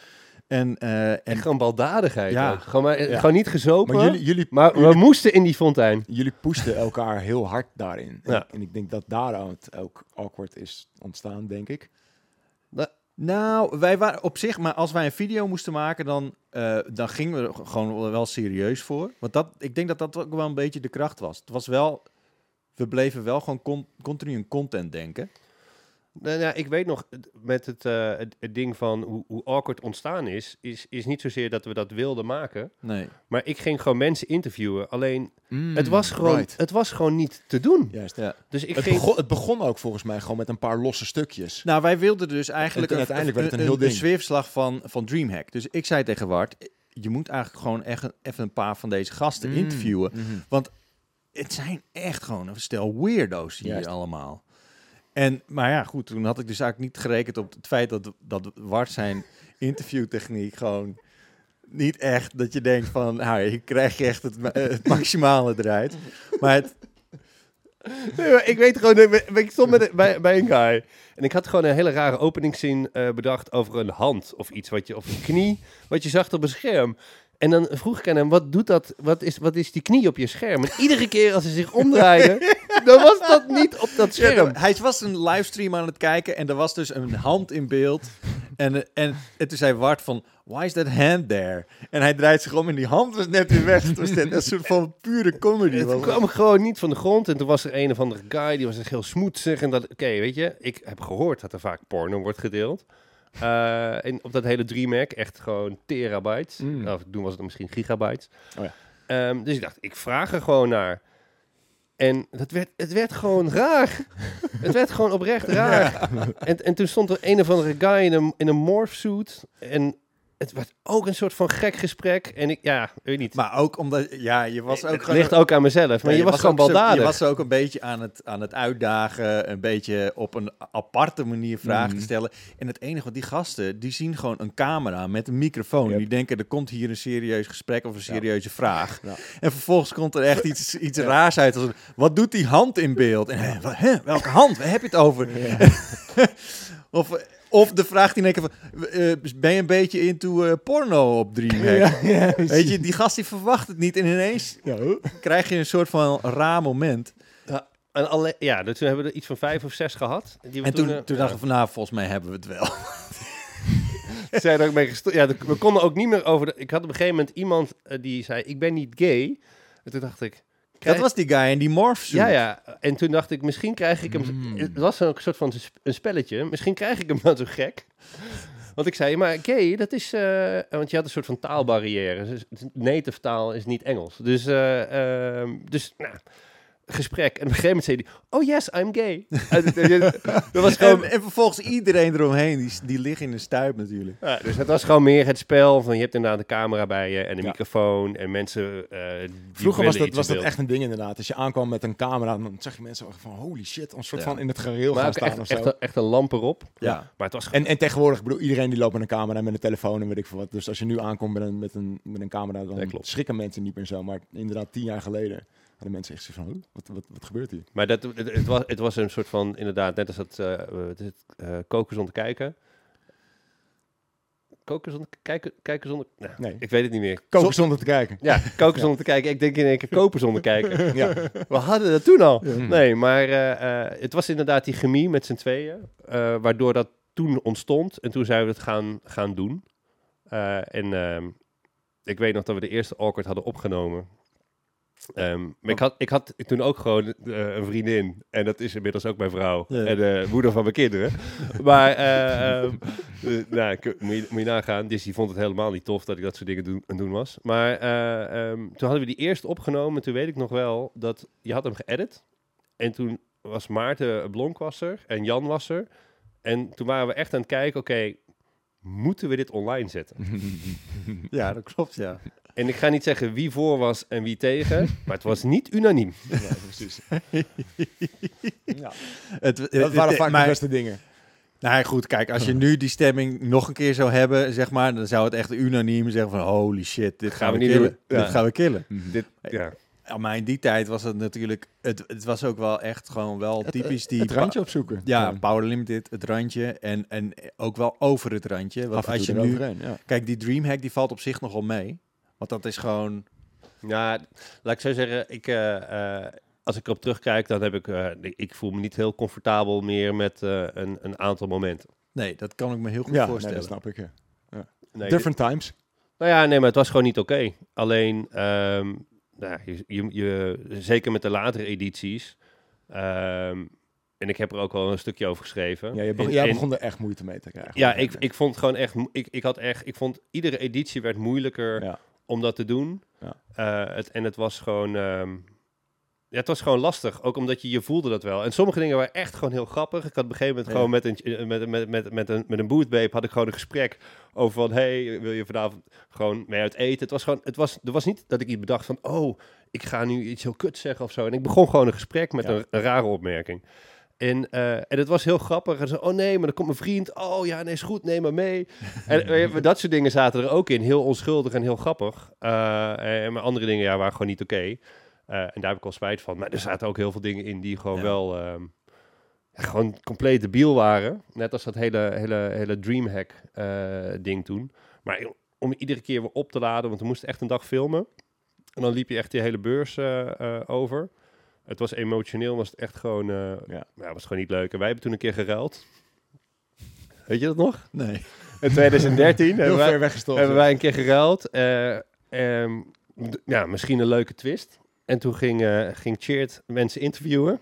Ik weet niet of je überhaupt iemand hebt aangesproken. Volgens mij heb je één keer geprobeerd en toen zei je van nee, oké, we gaan weer wisselen. Ik zou best kunnen, ja. Maar gewoon omdat het, het als het, als het het, is super moeilijk, zeker. als het gesprek leuk is, eh, dan, dan had je een soort van yay. Maar op het moment dat het gesprek echt ongemakkelijk is en het komt maar niet verder, ja, je moet op een gegeven moment ook uit. Ik weet ook wel dat ik op een gegeven moment, op een gegeven moment heb ik een gesprek gehad en toen dacht ik, dit is een heel awkward gesprek. Ehm, en toen zei ze van, eh, ja nee is goed, ehm, maar we kunnen wel een keer uit inderdaad. En toen zei ik, ja nee leuk, ja ik, kijk, ik woon in Amsterdam. Oh ja, ik ook. Hmm. Fuck, hoe kom ik hieruit? Weet je dat nog? Ja, en toen dacht ik, oh shit, ik creëert eruit. Dit komt er niet in. Gamescom was Ja, maar ik, ik zat gewoon, ik heb gewoon echt 20 minuten moeten lullen om daaruit te komen. Ik dacht, ik wil dit helemaal Maar op niet. een of andere manier, je was wel echt heel erg goed in het echt ongemakkelijker maken van een al Ja. ongemakkelijke situatie. Ben ik nog steeds goed in. Ja. Het was wel echt een gaaf inderdaad. Dat klopt. Nee, ik heb, ik heb ik wel echt heel erg genoten ook van inderdaad een wat minder, eh, wat meer onschuldige gesprekken, zeg maar, die wel echt op een of andere manier hele grappig werden. Zoals, ik weet nog wel, een van mijn favoriete momenten in, in Awkward is eh, op Gamescom. En eh, er waren twee Franse gasten. En ehm, die snapte dus niet wat je zei. En die... En dat we- werd een soort van hele rare... En hij, hij zit er tegelijkertijd ook in het Frans te praten met zijn maat. En, ehm, en ik mocht, mocht dat dus ondertitelen. En dat, ik, heb me de- ik zit er nog steeds af en toe om te gniffelen. Dat hij dan... Hij zegt op een gegeven moment iets wat lijkt op visie. Dus, dus het, net alsof die, dat vriendje van hem, dat, dat die, dat hij die eh, visie noemt, zeg maar. Dus eh, vieze jongen, zeg maar. En dat, eh, het is zo grappig, elke keer als ik er aan terug het, het was ook jouw edit die het grappig maakte. Want op een gegeven moment heeft Veras dat proberen te editen. Mm. En die zei, ja, ik vind dit gewoon niet Dat grappig. is niet te doen. Ja. En hij kon echt heel grappige en creatieve dingen maken. Zei, ik vind het gewoon niet grappig. Ik heb er nu eh, twee dagen aan besteed. Ik kan er niks van maken. En toen was Cheert er een week mee bezig geweest. Dat is super grappig. Ja. Ja. Nou, ja, ik, ik- ja, goed. Ik Maar denk laten, dat het... laten we dat nooit meer op die manier... Nee. kan je vandaag de dag... Kan je dit, nou ja, en misschien, is- nou, misschien een paar dingen wel. Dus die ongemakkelijke dingen. Maar de seksistische dingen die erin zitten... Dat, Ja, eh, ja, nou, ja. dat moet je echt niet doen. Ja. Zei de man die dat ooit gemaakt heeft. Ja, nou Ja. goed. Ja. maar zo was het dus niet bedoeld. Het was helemaal niet bedoeld als, eh, als een seksistisch ding of zo. Het was gewoon een beetje, een beetje, een beetje kloten. Dat. Ja. Nou ja, goed. En eh, Nou ja, het, het ding is ook, die, bijvoorbeeld, die, die, die sprak wel vaak bootbabes aan in plaats van mensen ja, die... dat was Mm. toch echt in de periode dat er nog best wel wat rondliepen. Ja. Ja. eh, nee, ja, precies. En eh, dat was, was, telefoonnummers fixen, dat hebben we ook nog gedaan op een gegeven moment. was, was een makkelijk doelwit natuurlijk om gewoon een gesprek te beginnen. Ehm, ehm, maar ja, je bent daar wel aan het werk. Dus je kan niet echt weg. En je moet blijven lachen. Ja. Zeker in Amerika. Ja. Ehm, mm, Ja, ja. het was wel een beetje... als, het, als het dan wringt, dan eh, is het gewoon niet leuk. Maar voor die tijd was het wel hilarisch. Zeker. Ja. Ja, als het eenmaal klaar was, en de edit zat erop en mensen gingen erop reageren en zeiden, ja, ik heb Ja, shit. ja. Dat, dat was het leukste moment. Ja, nu begrijp ik ook veel meer wat mijn, mijn vriendin dan altijd zei van ja, vind het echt heel raar dat jullie dat doen. Dat, is, Ja. ja. dat snap ik. En, en toen dacht ik, ja, maar dat, dat, dat is wat we doen. Dat Dit is, ons werk. Ja, dat is puur. En ze van, ja, maar dat vind ik wel een beetje raar werk dan. Ja. En nu begrijp ik dat veel beter dan toen. Ja, ik ook. Nou ja, goed, wij hebben dus best wel wat tripjes meegemaakt. Ik denk dat Zeker. een van... eh, eh, hoeveel E3's heb jij meegemaakt met Pu? Dat zijn er dan iets van vier of zo? Drie? Nee, twee, denk ik. Ik heb er maar twee eh, gedaan. Dus eh ene met dat, eh, eh, dat Ed met de microfoon. We hadden we net Oh, twee ja, nieuwe mics. Ja, ja, ja, ja, ja. Ed ligt, Ja, die deed de afsluiter aan het eind van de dag. Die ligt op het luchtbed In het zwembad. in het zwembad. Ja. Dus ik gaf hem die mic dan aan. Dat deed hij zijn ding. En volgens mij, jij filmde dat of Maarten filmde dat. En hij zegt de eerste dag, oké, doei. En hij draait zich om Ja. met de mic Ja. het water in. Ja. Oh man. Ja, wij hadden toen net nieuwe apparatuur. Dus eh, het peperdure wireless transmitters en wat dan ook. Ehm, en, en, en, Die mic die dus- bleef ook Ah, kraken. ja, ja, Ja, wij wilden dus Ed eigenlijk een soort van het laatste woord geven. Want Ed die wilde dolgraag nog een keertje mee met de E3. En ehm, dat was het moment eigenlijk dat hij mee kon. Eh, maar dan moest hij dus eigenlijk wel gewoon een rol hebben. Ja. En omdat hij eigenlijk geen games speelde, Was het toen nog Judge Ed? Ja, ja, hij lag Ja, als ja. Judge, Ja. judge Ed op Precies. de... Dus hij gaf, de, ja. ja. hij gaf de, de dag een cijfer. En toen hadden ja. we het idee inderdaad al, in plaats van de rijdende rechter, de drijvende rechter te doen. Mm. En jij zat naast hem in het zwembad, zodat je... ja, dat klopt. Ja. Oh nee, dat was pas daarna, omdat je Ja, dus ja, weer wilde... boven of zo, toch? Dat zie je dan ook. Nee, ja, Ik ging, ik ging dus na de eerste keer dat hij ermee inging, zat ik dus iedere keer uit beeld eh, in het water om die mic aan te pakken en, en weg te leggen, zodat hij zich weer van dat eh, luchtbed af kon draaien. Dus ik moest iedere avond het zwembad in. Ja. Had ook iemand anders kunnen doen. Waarom zat ik erin? Ik geen idee. Zie je, het is hard werken. Het is, ja, dat was Heel wel hard echt, dat was Ja. wel bizar. Ehm, Maar nu, nu we het daar allemaal over, over hebben, ik, het schiet me ook nog een moment binnen dat wij met z'n tweeën zo hard hebben gelachen, ook op de E3, omdat jij heel stiekem een afstandsbediening had meegenomen. ja, ja, zo'n universele afstandsbediening Ja. had ik ergens gecheckt. Gingen we overal tv's uitzetten en zo. En die, en die, en die lui die bij die stand stonden, die moeten dan, oh, wat de hel, weet je, tv ineens uit. heel Dat shit. grappig. Ja, echt. En wij liepen over die beurs als twee jonge, kleine jongetjes gewoon, klappen tv uit. Ja. En dan gingen ze hem weer aanzetten en dan weer zitten we paf, weer uit. elke keer als ze zich omdraaiden weer uitzetten. Ja, ja dat echt heel kut. Echt heel kut. Maar het gewoon- zo het is gewoon- grappig. Gewoon kattenkwaad eigenlijk. ja, ja. eigenlijk. Ja, dat is ja, geniaal. Wat, ik, wat, wat me nog echt wel gewoon hard is bijgebleven is, ehm, is eh, eh, Tokio. Ja, Dat was wel echt een hele intense trip was dat. Om, eh, zeker ook omdat wij gingen daar naartoe en eh, echt twee dagen voordat we weggingen, eh Jurjen Bakker, die zou meegaan Oh ja. en die breekt zijn enkel of zo. ja. En eh, op dat moment moesten wij echt zeggen van, oh fuck, eh, we moeten nog iemand meenemen die kan editen, zeg maar, extreem snel ja. en met extreme druk. Toen hebben we Veras meegenomen. Hebben we geweten ook. Dat hebben we geweten ook. Fucking hell. Dus wij, omdat hij dus op veel later moment een ticket kreeg, Ja. moest hij via een andere route. Ja. En eh, op een of andere manier, ik, ik weet nog steeds niet of hij het er nou he- om heeft gedaan. Want Nee. Veras heeft echt wel een periode gehad dat hij gewoon Zeker. Aan het trollen was. puur om het te kutten. Ik dacht ook op dat moment, toen het live gaande was, Ja. dat hij in die modus zat. Dus Wij- ik, wij ik was, kwamen Ik aan- was oprecht boos op hem. En, en wij kwamen aan en hij was al een uur daar. Nee, nee, hij kwam, hij kwam later aan al- dan wij. Ja. Dus wij gingen alvast zeg maar, richting eh, onze gigantische villa in Tokio. Eh, en ondertussen zou hij ook aankomen op het vliegveld en dan zou hij een taxi pakken onze kant op. Maar we ook. hebben toch een heel stuk op, op het eh, vliegveld rondgelopen. Dat hebben we toen Ja, gefilmd om te kijken of, of we hem konden vinden. Dat klopt inderdaad. Maar hij, zou- hij zou ietsje later dan wij aankomen, geloof ja, ik. dus wij wilden hem op, opzoeken. ja. En eh, toen konden we hem niet vinden. Nope. En toen op een gegeven moment zijn we maar met de taxi. En, en er was ook even, voor de duidelijkheid, was in een tijd dat je niet standaard internet op je telefoon hebt. Zeker niet als je eh, eh, met een Nee. Nederlandse simkaart in Japan eh, loopt. Ehm, en bellen en zo, ook allemaal gruwelijk duur. Dus het was niet En- dat je even een appje stuurde. En je bent in en Tokio. Dus alle straatnaambordjes. Alles is, zijn is in het Japans. Ja. En je kan dus niet even zeggen, ik Ja. ben op de, op de, op de Veenstraat Nee. of zo. Ja. Het was echt... We wisten geen idee Het was voor ons echt en überhaupt onmogelijk om überhaupt te uit kijken te leggen waar we waar, waren. waar, we, oh, man, waar het ja. huis was. Oh. En toen hebben we gewoon de hele dag Ja. hebben we om Veras, hebben we Veras gezocht. Ja. En toen hebben we met een soort van... Tegenwoordig heb je van die gasten die, die, eh, die doen zo'n geogasser, weet je wel? Ja, ja, ja. Ja, ja, ja. Dat was eigenlijk precies wat we deden, maar dan gewoon nou, voor ons gevoel strijd op leven, leven dood. Ja. Toen op een gegeven moment kwamen we erachter dat hij, hij had een iPad mee en die had dan een, een GPS-marker.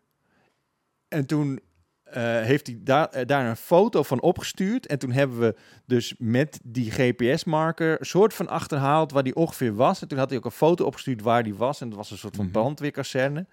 Nou, het was echt crazy. Ja. Maar het was ook echt een hele bizarre trip, omdat we... Die culture shock was natuurlijk eh, heel erg groot ook. Vond ik, in ieder geval. Zeker. Die eerste dag dat we in de karaokebar belanden. Ja. En alles is zo klein. En dan ging Cheert natuurlijk heel veel zingen. Want Cheert kan goed zingen. Eh, ging wel zingen. En Wa- Wouter ging fucking zingen. Wouter en met, met zijn Veras. Backstreet Boys, jongen. Oh, dat zou ik ook nooit vergeten. echt. Oh mijn god. Nee, maar ja. Tokyo was wel echt, echt heel bijzonder, Ja. vond ik. Wij hebben toen nog eh, Kojima, een handtekening van Kojima eh, gekregen op een eh, oude Metal Gear Solid. Ja. Ja, dat was crazy. Ja. Ja, ik heb ook echt wel genoten van dat soort trips inderdaad. Dat je met z'n allen gewoon weg bent. En gewoon echt het gevoel hebt van... Ja, we maken hier echt iets mee. En het leuke is als je nu dus al die E3-journaals terugkijkt... Dan, dan, dan heb je eigenlijk gewoon precies het gevoel... Ja. wat je had toen de tijd. Vaak Want we filmden alles. Als we dan een nieuwe E3 hadden, dan ging ik nog even een soort van terugkijken van vorige jaren. En dan komt het allemaal weer boven. En dan krijg je vanzelf weer die, die hele vibe van, oh shit, we gaan weer. Ik heb dat nu een tijdje niet gedaan, omdat de E3 natuurlijk eh, er niet echt meer is. Eh, of er gewoon eigenlijk niet meer is.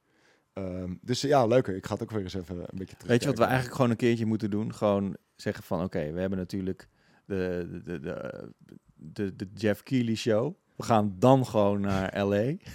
in een villa. Ja. En dan maken we gewoon weer een... eh, Villa Tour en ja. ik ben down. Ik ga mee. Ja. Nee. Moet ik dan mensen interviewen? Ja hoor, ja, leuk idee. Zeker. Hey, nou, maar daarover gesproken, qua interviewen. Ik was dan misschien niet de allerbeste in interviewen, maar ik stelde wel eh, zo vaak debiele vragen. hmm. Dat ik soms ook informatie loskreeg. Die, want iedereen was extreem media getraind. Ja, ja, zeker. Mhm. Dat is Maar- waar. Ik weet nog, ik weet even niet welke game het was. Het was op een gegeven moment een hond in een Call of Duty game. Ik deed toen alle Call of Duty games reviewen. Oh ja. En je kreeg echt helemaal niks los uit die mensen. Op een gegeven moment vroeg ik, die hond, is dat nou een mannetje of een vrouwtje? en toen ontstond een soort van rumoer waardoor er ja, openingen waren. Eh, en toen heb ik, heb ik volgens mij iets grappigs nog eh, er wel uitgehaald. En, maar ik weet, ik heb ook een keer StarCraft 2, Legacy of the Void, heb ik de release datum ach- achterhaald op Blizz, BlizzCon. Mm. Oh, serieus? Ja, was volgens mij nadat ik eh, van, van Pu volgens mij inderdaad naar IGN eh, eh, was. Maar toen heb ik ook inderdaad gewoon... Ja, ik dacht, ik zou gewoon even de vraag... Ja, komt hij... Toen, vroeg ik niet, komt hij dan en dan? Ik zeg maar, hij komt dan nog waarschijnlijk wel gewoon voor december, toch? En toen zei de guy, ja... En toen zei die PR-persoon naast hem, nee. No, no, no, no. Maar gewoon die onhandigheid in, in, in dat kwam mij soms ook wel van pas. Dat ik soms meer informatie uit iemand kon krijgen. Ja. Niet per se altijd goede informatie, maar wel ludieke informatie. Ik Ja. denk dat het ook wel iets is wat we allemaal hebben moeten leren of zo. Weet je, want ook in mijn eerste interviews, het zijn allemaal een beetje standaard vragen. En die gasten zijn allemaal inderdaad extreem getraind. Dus je krijgt er niks spannends uit. En op een gegeven moment leerde ik heel snel dat je moet ze een beetje uit die bubbel proberen te trekken, inderdaad. Met Ja. een, een gekke vraag. eh, of een gekke invalshoek. Maar het is ook gewoon waardoor ze ineens denken, "Huh, wait, what? wat? Het is ook gewoon niet leuk, want je zit gewoon, ja, op het moment dat je dan iets vraagt wat, wat je niet mag vragen, dan is het nee. Ja. Ja, precies. Ja. Dus, eh, Op een gegeven moment zei, volgens mij heeft, heeft Jan dat een keertje tegen me gezegd. Hij zegt, als je in een interviewkamer zit met PR en weet ik veel wat erbij. En je stelt op een gegeven moment een vraag, waardoor de PR een soort van die paniek schiet. Dan ben je lekker bezig. En toen dacht ik, ah, oké. oké. Dus Ja. ja. toen ben ik dat ook een beetje gaan toepassen inderdaad. Dus vooral bij de, bij de Amerikanen gaat het nog wel, maar vooral de Japanse developers, die zijn zo strikt. Die zitten in zo'n klein hokje over wat ze mogen vertellen. En daar ging ik dan inderdaad expres dan gekke dingen aanvragen. Dus bijvoorbeeld de Final Fantasy guys vroeg ik dan altijd van... eh, als je je eigen chocobo had, hoe zou, je hem, hoe zou je hem noemen? Of wat voor trucje zou je hem leren? Weet je, dat soort shit. En dan zie je ze echt even van, wow. Weet je, huh? Oh, eh, oké. En daarna krijg je een veel leuker gesprek... in plaats van dat je, Ja, precies. je vraag-antwoord. Mijn beste interview was denk ik met Dustin Browder van Blizzard. En dat was om de dood eenvoudige reden dat ik, stom gezegd, gewoon niet door had dat hij naast me zat. Dus ik zat op Gamescom in de lounge. En eh, ik had gewoon met iemand een heel leuk gesprek. En eh, hij moest weg. Eh, en ik dacht, ja, ik moet ook weg. En ik loop eh, eh, met het interview in en hij zit aan de andere kant van de tafel. dus we zaten in een soort van vriendschappelijke sfeer, hadden we een interview. Dat was nog niet de tijd dat je dat opnam en, en, en, Ja. en uitzenden, maar dan ging je dat nog schrijven. Maar het was een heel, ja, was een superleuk gesprek. Omdat je eigenlijk al een soort van die band had, zonder dat er een PR-persoon bij zat. Ik weet nog wel dat ik op een trip voor Call of Duty, en dat was een van die Call of Duty's. de- de- de- was een Call of Duty, was het verhaal, er was echt geen touw aan vast te knopen. En toen op een gegeven moment, toen, eh, toen, toen eh, had ik hem uitgespeeld. En ik dacht even, what the fuck? En toen zei eh, Rick, die was de DPR bij, bij Call of Duty, Hmm. zei van ja, ik heb een interview met je, voor, voor je met, met, met de schrijver van het verhaal. oh god. En hij, vra ja, hij vraagt mij gewoon op de man op. En, en, how did you like it? En Was jouw Ik zei- ik zei, eh, honestly? En ik zie Rick echt al soort van vertrekken. Ja, zo van, oh shit, oh shit.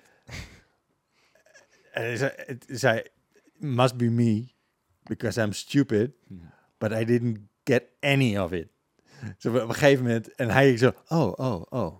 En dus ik zeg van, ja, maar hoe zit dit dan? Ja, ja, we cannot talk about that. Ja, gast. De classic. We Maar- cannot talk about Maar that. iedereen die, weet je, dat is het ding. Als jij een, een game aan het reviewen bent, en zeker op zo'n eh, op zo'n event, en je begrijpt bepaalde dingen niet, dan is je eerste ding van, eh, ik heb misschien niet goed opgelet. Het ligt aan mij, Hmm. weet je wel? Dus je kan niks opzoeken. Er is geen Ja. informatie beschikbaar. Je deelt het ook niet echt met elkaar. Nee, en, en de, maar ik, ik sprak dus met die andere gasten, die daar ook waren, ook uit Nederland. En dan zeg ik van, eh, wat vond je van de verhaal? Ja, ja, ja, wel oké. En toen, na dat interview, vertelde ik in de taxi van, nou, dit heb ik meegemaakt. En toen kwamen in één keer die verhalen los. Oh, nou, ik, ik ben blij dat het niet aan mij lag, want ik snapte er ook geen reet van, weet je. Dat je denkt van, gast. Ja, je kan je niet overal Iemand moet die scapegoat zijn. dat, dat waren trouwens wel de allerbeste review-events, die van Call of Duty. Eh, en misschien is dat ook wel vaker waarom dat... Want je was natuurlijk voor release, speel je dat dan. Dan ging je naar een, een, een, een heel luxe hotel eh, ergens in Londen. Waar dan ook zeg maar Premier League spelers eh, eh, zaten. En dan had je een, een ik weet nog dat we, op een gegeven moment was er een kamer. Dan had je een bad en vanuit het bad kon je dan de tv zien. Hm. En dan kwam je op de eerste dag binnen en dan had je dat weekend. Dan had je heel weekend met iets van eh 30, 40 journalisten in dat hotel om die game te spelen. En eh, dan begon je zes uur s'avonds aan de campaign. En dan wil je die de eerste avond wilde die uitgespeeld hebben. Althans, dat wilde ik. Want de dag erna begon de multiplayer. Ja. En de eerste keer dat ik dat deed, ehm Modern Warfare 3 volgens mij, kon je gewoon vanuit bad, kon je gewoon spelen. Dus stop. Maar dan zat je dus allemaal met die mensen samen. En ik weet dat In volgens mij... bad? Had ik zo gedaan voor de multiplayer. Maar het, het leuke was, de dag daarna had je, dan, had je dat dan. En, en, ik heb dat iets van drie of vier jaar, nee, drie jaar denk ik achter elkaar gedaan. En op een gegeven moment kwam ehm, de game waar je als eerste die jetpacks had. Ik weet echt niet meer. Inf- in- Advanced Advanced Warfare. ja. Mm. En eh, ehm, toen zat ik dus, eh, eh, speelde ik, het was gewoon de eerste guy die dus in Prestige ging tijdens dat event. Dus Oh ik, ja. had, ik had ook echt Oh. tijdens, ik had dat helemaal geoptimaliseerd, dat event door de jaren heen. Oké, eerste dag campaign doorjagen en dan de dag erop. En er was gewoon, ik was dan de beste in de lobby met Call of Duty. En er Ja. was één guy, die was altijd net iets minder, maar hij was altijd dus in het andere team. Ja. Dus ik had een winpercentage van 97% en hij van 3. Holy shit. Hij vond het echt heel kut. Dus voor hem waren het hele kutte, kutte weekenden. En ik vond het helemaal te gek. Ja, Ja. ja. ik- ja, dat zijn inderdaad waren leuke tripjes ook, omdat je echt in een soort van, wat je eerder ook al zei, snelkookpan. Je bent die game helemaal, je, je, je zit er helemaal in. Eh, tegelijkertijd is het ook wel weer een nadeel, want je, je weet niet hoe het online speelt. Eh, je weet niet wat de meta wordt Ja. en eh, wat er eventueel abused wordt of Ik, niet. ik vind het nu veel beter dat mensen zeg maar even de review uitstellen. Het hoeft niet meer op release. Ja, Ja. je wil het eigenlijk wel qua traffic. Dus business-wise snap ik het wel. Maar dat je bijvoorbeeld voor een Baldur's Gate, dat je even de tijd neemt om daar wel, Ja. zeg maar, 100 uur in te steken voordat je een eindoordeel velt. Dus die, die review in progress die op een gegeven moment een beetje bedacht is. ja, dat is wel veel beter om het echt te beoordelen. Maar ja, je krijgt nu vaak de games ook pas op release. Zeker Ja. met eh, de server games zoals een Destiny. Ja, die, kan je, die kon je gewoon niet eerder spelen. Nee, nou af en toe is er inderdaad een, eh, een, een uitzondering, zoals nu bijvoorbeeld met Starfield. Dat is wel een Mhm. voordeel. Hoe is het? Wat j- jij zei van, nou, ik, ik, ik was helemaal fan van Diablo 2. Dat was mijn eerste pu. Is, is jouw gamesmaak ook veranderd in de loop der jaren? Jazeker. Ik ben op een gegeven moment heel veel e-sports games gaan, eh, gaan doen. Dus heel veel competitive games. Ehm, maar ik ben nu vader van twee kinderen. Dus ik wil nu gewoon een game die je op pauze kan zetten. dus ik ben eigenlijk veel meer singleplayer games eh, weer gaan spelen. Dus ik heb bijvoorbeeld Elden Ring eh, uitgespeeld. En dan was het gewoon flesje geven. Weer even doorspelen. en dan weer tot de volgende fles. Dus dat een beetje combineren. Nou, ja, ik weet niet of mijn gamesmaak echt veranderd is. Ik heb Diablo 4 echt heel veel gespeeld. En eh 3 was volgens mij de eerste echt goede livestream die we met eh Pu hebben gedaan. Wauw, ja, dat die hebben we gewoon een marathon gedaan. Nou, ik wilde dat dolgraag livestreamen. 24 uur toen? ja. Error eh, 37. Yep. Ehm, nee, ik wilde dat toen gaan doen. Toen ging jij volgens mij meedoen, of Wouter. En En, Wouter. toen ging jij meedoen. En toen ging Maarten uiteindelijk ook meedoen. Dus we waren met z'n vieren.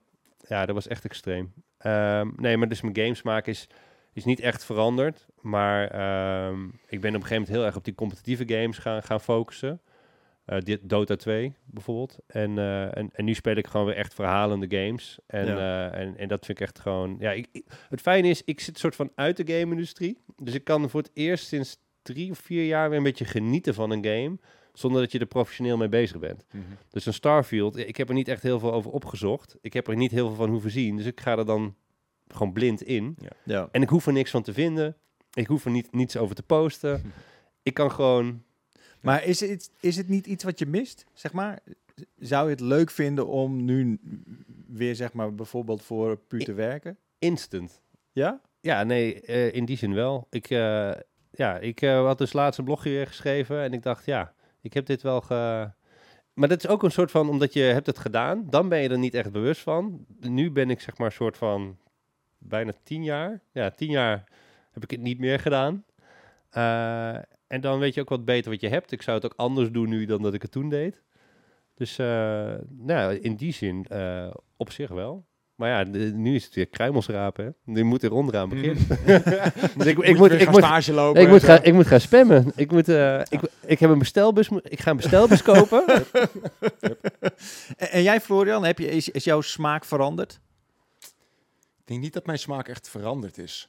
Ehm, nee, want ik... Weet je, vroeger was ik al van de race games en de Final Fantasy games, de, de role-playing games. En dat Ja. is eigenlijk allemaal nog steeds zo. Maar VR is er Eh, wel bijgekomen Precies, natuurlijk. dat, dat wilde ik wel zeggen inderdaad. Er zijn wel dingen bijgekomen inderdaad. Ja. Dus VR is daar wel het grootste voorbeeld van. Ik ben eigenlijk sinds die eerste Oculus Dev Kits een beetje eraan kwamen... zag ik meteen al dat het potentie had. Ehm, en vond ik het meteen al heel erg vet. Ehm, dus dat is er zeker wel bijgekomen. Maar voor de rest inderdaad, de dingen die ik vroeger, vroeger cool vond... die vind ik eigenlijk nu nog steeds cool. Eh, het is misschien wat breder geworden, want ik probeer meer dingen dan ik probeerde toen ik niet nog bij PU zat. Ehm, maar nee, hetzelfde interesses eigenlijk, ja. Ja, precies. En zou je nu weer voor puur willen werken, zeg maar? Stel je voor dat je de Stel, mogelijkheid stel hebt. dat ze me vragen, dan, eh, ja, dan wil ik daar wel over nadenken. Wel onderaan beginnen. Ja, je met met, een stage weer, dus dan ga ik weer courieren en zo. En, eh, ja, even kijken. Nou ja, het is wel, het is wel eh, je hebt inmiddels al best wel een indrukwekkende puur-carrière achter de rug. Zijn, Ja, er, ruim, eh, ruim 15 jaar dus, ja. zijn er ook dingen die je anders had gedaan? Ehm, als ik het opnieuw zou moeten Ja? doen, bedoel je? Ehm, ja, dan denk ik dat ik op het begin misschien ook wat serieuzer zou zijn en misschien iets meer eh, het magazine sneller ehm, zou aanjagen, om het maar zo te zeggen. Ehm, maar nee, voor de rest eh, ben ik eigenlijk gewoon meegegaan met de flow. Eh, en dat doe ik eigenlijk nog steeds en dat bevalt me prima. Ik heb zelden iemand zo positief en enthousiast ontmoet. Ik denk helemaal niet als, als Florian. Nee, dus ik heb, ik heb jou dat, ja, in ieder geval de tijd dat ik jou kende, nooit horen klagen. Het was altijd let's go. Daar zijn we, daar Ja, gaan we. ja. Oh ja, leuk, leuk. Alles was leuk. En maar dan oprecht ook leuk. Het was gewoon niet gefaked. Dus ehm, ik denk ook dat dat een manier is eh, geweest om het... eh, ja, soms is het dan... Ja, al- ja, misschien is het nu anders. Ik ben eh, iets zuurder geworden misschien. Eh, Iets ouder. En eh, precies gewoon iets ouder en dus iets zuurder misschien. Maar nee, ik heb nog steeds evenveel lol als mijn eerste dag stage, om het maar zo te zeggen. Ehm, zolang het kan, zolang het mag, zolang iedereen dat accepteert, blijf ik hier zitten tot mijn tachtigste. Ik wilde net zeggen, want het, ik, ik dacht altijd, zeg maar, toen ik bij PU kwam, dacht ik aan Ed, dacht ik van, ja, hij is wel aan de oude kant, zeg maar. Wanneer, Nu komen we daar zelf, ja. ja, wanneer zou je, eh, zeg maar, de handdoek in de ring gooien? Hetzelfde met Jan bijvoorbeeld. Niet. Ja, maar goed, dat, eh, ik vraag me dan af hoe het, hoe het is om, om dan later... Ja, ik, ik kan me niet voorstellen dat wij over tien jaar nog powerpraat maken, zeg maar. Waarom niet? Omdat ze Power Limit cancelen. Nou ja, eh, ik heb het er wel eens met Wouter over. Stel je voor dat iemand het merk Power Limited wil cancelen, dan is er echt genoeg over te vinden om dat eh, te bewerkstelligen. je bedoelt awkward. Awkward, maar eh, je hoeft maar een willekeurige pu over, over Ja, ja, te, nee, te slaan Ja, van ja. 15 jaar geleden. Dan denk je echt van, oké dan. Ja, het moet ook eens een tijdsgeest... eh, ja, nou ja, goed. We zijn allemaal een jaartje ouder, een jaartje wijzer. En daar gaat het toch ook om. Je blijft niet dezelfde persoon. Nee. En dus vandaar dat ik net zei, ik zou het instant doen. Niet zeg maar vast op de redactie werken, maar wel stukjes schrijven. Meer omdat ik, omdat ik er nu zo ver van los ben geweest. Eh, denk ik dat ik er ook weer plezier aan kan hebben. Want toen zat ik echt op de redactie. Dat was wat je deed. Het was iedere dag. Eh, ik deed naast dat ik deed schrijven, deed ik ook heel veel coördinatie. Dus Ja. ik deed eigenlijk pu.nl. eh, nou ja, in, de, in de la- het laatste jaar eigenlijk met name was jij heel serieus bezig met het, het structureren en organiseren van de redactie en, en dat soort dingen. En ik, ik, ik heb je natuurlijk in de introductie de dorpsidioot genoemd, maar de, de, de- er is wel echt een flinke laag ehm, daaronder natuurlijk. Eigenlijk is dat eigenlijk een laagje erop. eh, op, op zeg maar de, de echte Dat- waard. Maar- Dat was de kari- karikatuur Ja, die Ed precies. ook mooi had gemaakt in, de, in het blad. En dat was ook helemaal prima. En dan Ja. achter de schermen dan eh, be- begreep ik nog wel iets van planning en, eh, en dat soort zaken. ja. Nee, dat, dat kan ik me nog heel goed eh, herinneren inderdaad. je- Ik, ik weet gewoon, ik, eh, uiteindelijk ben ik volgens mij pu.nl gaan runnen, omdat ik werd zo gefrustreerd van de planning die Wouter maakte, want er was eigenlijk gewoon geen planning, dat ik het volgens mij op een gegeven moment ben gaan doen als freelancer. Ik, ik werd gewoon, er was gewoon geen structuur. Ik werd helemaal, je wist niet wanneer, wat, hoe, slechte communicatie. Toen dacht ik, ja, fuck it, dat ga ik het wel zelf doen. Maar als, eh, maar als je dus even teruggaat naar het begin van, van, de, van deze podcast, dan kan je dat ook best wel goed voorstellen. Want Wouter die is stage gaan lopen op het moment dat eh, zeg maar, het belangrijkste taak op de hele redactie was het eh, aquarium schoonmaken Ja, en koffie halen. ja. en koffie halen En drie uur in de testhok gewoon games spelen. en blowen. En blauwe. ja, geen probleem. Dus het is niet zo gek dat hij eh, zeg maar met minimale organisatieskills eh eruit kwam natuurlijk. Maar los, we hebben hartstikke gelachen om, om, eh, om Wouter, maar het is wel echt een fantastische schrijver. Ja. Dus, eh, Zeker. En hij doet het nu ook hartstikke goed met, eh, met het magazine. Hij is daar hoofdredacteur van. Dus ehm, hopelijk kunnen we nog lang genieten van Power Limited. Ja. Ehm, ik, ik- denk dat we dat eh, zeker nog heel lang kunnen doen.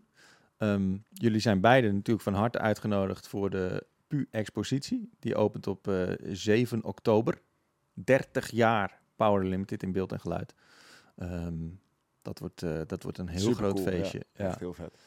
Mocht je, en nu praat ik, praat ik even met de mensen thuis. Mocht jij eh, ook geïnteresseerd zijn in eh, 30 jaar Power Limited en wat wij daaromheen allemaal doen, eh, heel makkelijk. Je gaat naar pu.nl slash 30 en daar lees je alles op een rijtje over wat er allemaal te vinden is en te doen en te kopen en, en wat dan ook. Ehm, de USB-stick met het archief, die is uitverkocht. Jee. Dat is Lekker. echt bizar. Er zijn heel veel mensen die. Er zijn al best wel wat mensen. Ik, niet heel veel mensen, maar er zijn al wel wat mensen die, eh, die teleurgesteld moesten worden. Ehm, ik weet niet of we, of we nog eentje voor jullie hebben, maar Ik, eh, ik, ik weet niet of we er extra zijn eh, gedrukt. ik, eh, ik, ik fix er wel een, een kopietje of zo. Oh ja, ja, ja. Kom Gaat goed. meneer, meneer de Piraat weer. eh, ik heb hem al, ik heb, gewoon mijn eigen USB-stick. ik heb hem al getorrent. Ja, precies. Nee, dat komt allemaal helemaal goed. Oké, eh, heren. Hartstikke bedankt dat jullie hier waren. Jij ook bedankt. En Ja. ehm, ik vond het een heel eh, leuk gesprek. Moeten we eens vaker doen. Hebben jullie over vijf jaar tijd? ik, zie die, ik zie die volgende week. nee, hartstikke leuk dat jij er was, eh Wart. En eh, Florian, wij spreken elkaar natuurlijk in de reguliere Powerpraat. Zeker. Ehm, zoals gezegd, we hebben natuurlijk een serie voor PU 30 jaar. Eh, dit is één daarvan. We hebben ook andere afleveringen met eh Jurjen en Ed bijvoorbeeld. Skate en JJ. Eentje met Jan, eentje met Maarten en Wouter. Ehm, dat is allemaal in één serie. Welke aflevering dit is van die serie, dat weet ik niet. Dus het kan zijn dat je nog moet wachten op de volgende... of dat je ze allemaal terug kan kijken straks of luisteren. Ehm hou dat even in de gaten. In de tussentijd eh, wens ik je alvast een hele fijne avond of ochtend of middag toe. Wanneer het ook ja, het- Of weekend of... eh ik trap hier elke keer maakt weer niet uit. Wanneer luisteren mensen dit? En waar zijn ze? Ja, dat is altijd. Ik, ik vind dat altijd wel een mindfuck. Ja. Misschien wel. Ook, eh, ook, want je zegt ook inderdaad voor de thuisblijvers, maar heel veel mensen zitten me- misschien in de auto. heel veel eh, mensen zitten in de auto inderdaad. Ja, of in, in het openbaar vervoer. Of, Of in een bestelbusje. of in een bestelbus aan het courieren. Terwijl ze eh, in de tussentijd een mail sturen aan Power Limited. Ja, die denken niet, wow, ik krijg een bestelbus. Ik kan ook dat doen. Ja hoor, zeker. Kom maar op met je test. Moet je wel eh, 90 uur per week werken. Ja, het is wel pittig. En dan moet je je vaste baan opzeggen. Ja. Oké. Tot de volgende. En houdoe.